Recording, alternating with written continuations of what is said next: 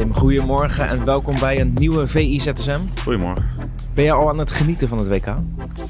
Nou, ik, ik, moet toch wel zeggen dat er in de groepsfase op een gegeven moment een hoop saaie wedstrijden tussen zaten. Maar die, die derde speeldag in de groepsfase, die heeft bijna in iedere pool wel voor echt enorm spektakel gezorgd. En nu gaat het echt om het echtje, dus dan moeten mannen als Mbappé op gaan staan. En dat doen ze dus ook. Dus ja, tuurlijk, WK is het allerhoogste podium, dus zeker, zeker is dat genieten. Welke goal van Mbappé vond jij gisteren het mooiste tijdens Frankrijk tegen Polen? Uh, ja, ik vond ze allebei erg mooi. Maar persoonlijk uh, die eerste. Omdat je, denkt van, hè, wat gaat hij nou doen? Hij staat een, soort stil en een soort uitstand knalt hij die bal in één keer in de korte, in de korte kruising, zeg maar. Je denkt nog heel even van, wordt hij nou aangeraakt of zo? Het is gewoon echt, gewoon bijna uit stand knalt hij die bal erin. Ik heb heel erg het idee, als ik naar dit Frankrijk zit te kijken, dat de ploeg nog een versnelling hoger kan. Uh, ze, ze, laten toch wat, wat, wat. Ze, zijn toch af en toe kwetsbaar.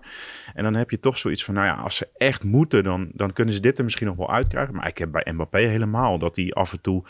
Um, dat hij zo goed is dat hij nog wel twee tandjes bij kan schakelen. En um, ja, wat dat betreft wordt er wel wat van hem gevraagd in de volgende wedstrijd tegen Engeland. Dus dat wordt wel echt heel erg interessant. Is hij hard op weg om de speler van het toernooi te worden? Ja, ja, kunnen we volgens mij heel kort over zijn. Hij heeft nu al vijf keer gescoord. Um, hij zorgt voor vermaak. Er zit misschien ook wel een randje aan hem. Dat hij af en toe met wat gebaartjes naar ploeggenoten en zo. Hij heeft iets hotens over zich. Uh, maar dat maakt hij volledig waar tot nu toe. Ik bedoel, hij is ook tot nu toe uh, de beste. En hij is nog lang niet klaar. En ja, die, die statistieken en zijn aantallen uh, doelpunten op WK's. Het, is bijna eng gewoon. Hij hoort echt bij de grote der aarde wat dat betreft. En hij is 23. maar wat dat betreft tegen Engeland wacht hem wel een uitdaging. Een paar dagen geleden heeft Rio Ferdinand gezegd dat er maar één verdediger op deze planeet is die Mbappé kan afstoppen. heel toevallig kiest hij dan een Engelsman uit. Maar dat is Kyle Walker. Uh, die is weer fit. Uh, tegen Wales weer gespeeld. Gisteren ook weer gespeeld. En dat worden wel heel interessante duels. Ik ga er namelijk niet vanuit dat Southgate Trippier uh, gaat opstellen tegen, tegen Mbappé. En puur vanwege de snelheid ook. Ja, precies. Want die, uh, die met die cash, dat is echt niet de langzaamste. En echt niet de slechtste verdediger. Maar ja, ik denk dat je die ene sprint gisteren ook wel hebt gezien. Het is, het is bijna zielig om naar te kijken. En je, bent bij, je zit op de bank, zit je te genieten. En je denkt ook, oh god, wat ben ik blij dat ik niet met die cash ben op dit moment. Want het, het, het, hij maakt het echt pijnlijk voor tegenstanders. Hij is ja, zo ja. verschrikkelijk snel. En, en dan heb je aan de andere kant, ik heb het vorige keer ook al gezegd, heb je nog Dembele staan. En heb je in de spits nog iemand die zich dienstbaar opstelt. En die ook gewoon blijft scoren. Dat, dat elftal is afgestemd op die voorhoede. En uh, dat maakt Frankrijk echt heel sterk. Wat ik heel pijnlijk vond, was de onterecht afgekeurde goal van Giroud. Want dat was weer die omhaal. Dat ja. Dat nou, was je hoort nog wel eens mensen zeggen dat, uh, dat het een houterige spits is en zo. ja, misschien dat dat in zijn aanname af en toe zo is. Maar als je hem die omhaal ziet maken, dan denk je, jeetje, dat is niet echt houterig. Nee, en niet de eerste keer hè? Nee, nee, ja, Arsenal natuurlijk ook van die schitterende goals gemaakt. En, uh, ja, maar deze was ook weer echt fantastisch. Ja, tuurlijk is dat jammer. Oh. Het is echt, als ik dat ja, doe, dan uh, breek ik echt alles wat ik heb. ja. Nee, ja, het, het, dat, is, dat is zonde. Maar ik denk dat hij toch sowieso wel heeft genoten van de, van de avond. Want, Maakt weer de eerste goal.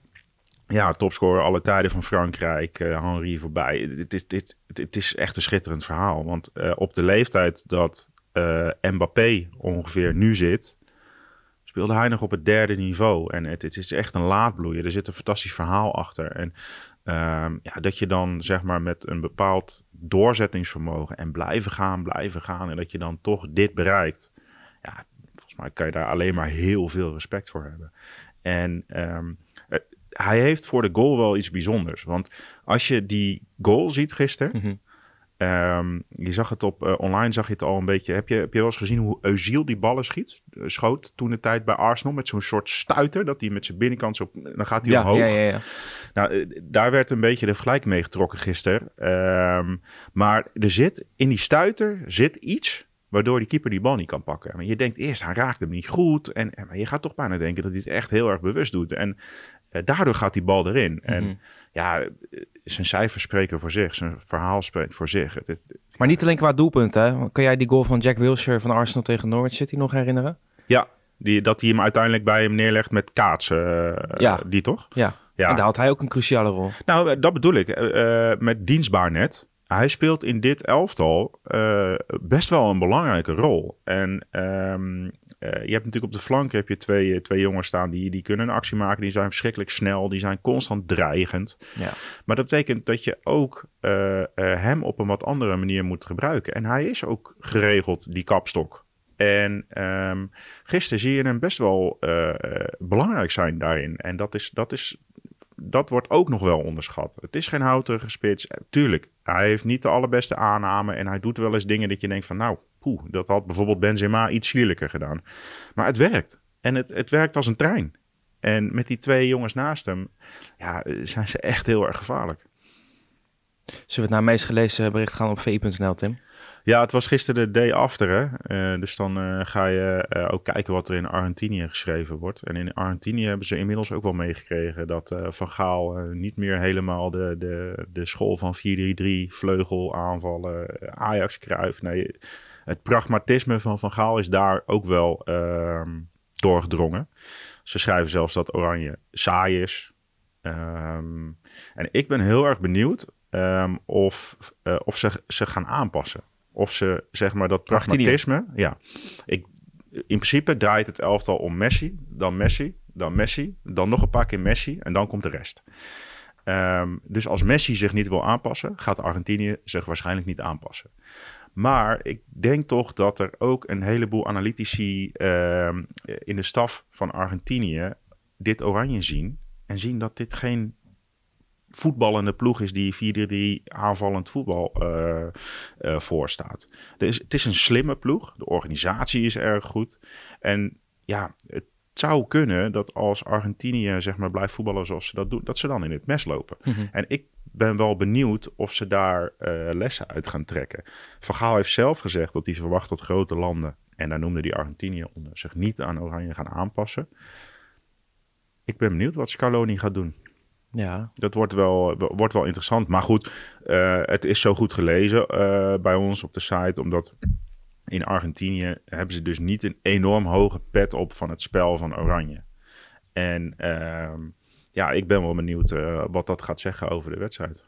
En als we dan naar het meest gelezen bericht op VPRO gaan, dat gaat over juist de analyse van Pieter, hoe Oranje het heeft aangepakt tegen de Verenigde Staten. En dat dat juist heel erg goed gewerkt heeft. Ja, maar dat, dat, dat hangt hier een beetje mee samen. Hè? Want uh, Pieter geeft een, een uitleg over de, hè, de tactiek van uh, Van Gaal. Dat hij uh, de provocerende pressie of pressing, dat hij zeg maar Amerika is dat hetzelfde, aan de... Is dat hetzelfde als LVG-druk eigenlijk? Nou, hij, hij zei rond de wedstrijd dat hij het nooit LVG-druk had genoemd. Hè? Maar volgens mij heeft hij uh, het wel eens een keer in een ver verleden zo genoemd. Uh, maar het was nu een en al provocerende uh, pressie. En kijk, het, het, het komt wel gewoon weer uit. Hij weet het van tevoren al, hij wil het nog niet zeggen. Maar er komen mensen aan de bal bij Amerika die niet zo goed aan de bal zijn. Die weten geen oplossing. Op een gegeven moment krijg je de bal bij spelers van Amerika op een plek waar je, hem, waar je goed staat. Uh, je verovert hem en je ziet er komt een goal uit. Het werkt. En, en daarom ben ik ook zo benieuwd dat pragmatisme, dat dat werkt, hoe die Argentijnen dat gaan oplossen. Want als ze dus daar tegenaan lopen iedere keer en Messi verliest de bal en die wandelt terug. Ja, ik ben benieuwd uh, wat dat. Het wordt tactisch best wel interessant. En daar gaan we natuurlijk de komende dagen ook best wel uh, induiken. Pieter voorop natuurlijk. Um, dus ja, ik denk dat het wel heel interessant kan gaan worden, dat tactische uh, steekspel. Hoeveel rust denk je dat Pieter nodig heeft na het WK? Nou, gewoon gelijk doorgaan. Gaat gewoon gelijk door, ja, toch? Eh, het voetbal gaat ook gelijk door, dus uh, we moeten wel, hè? Ja.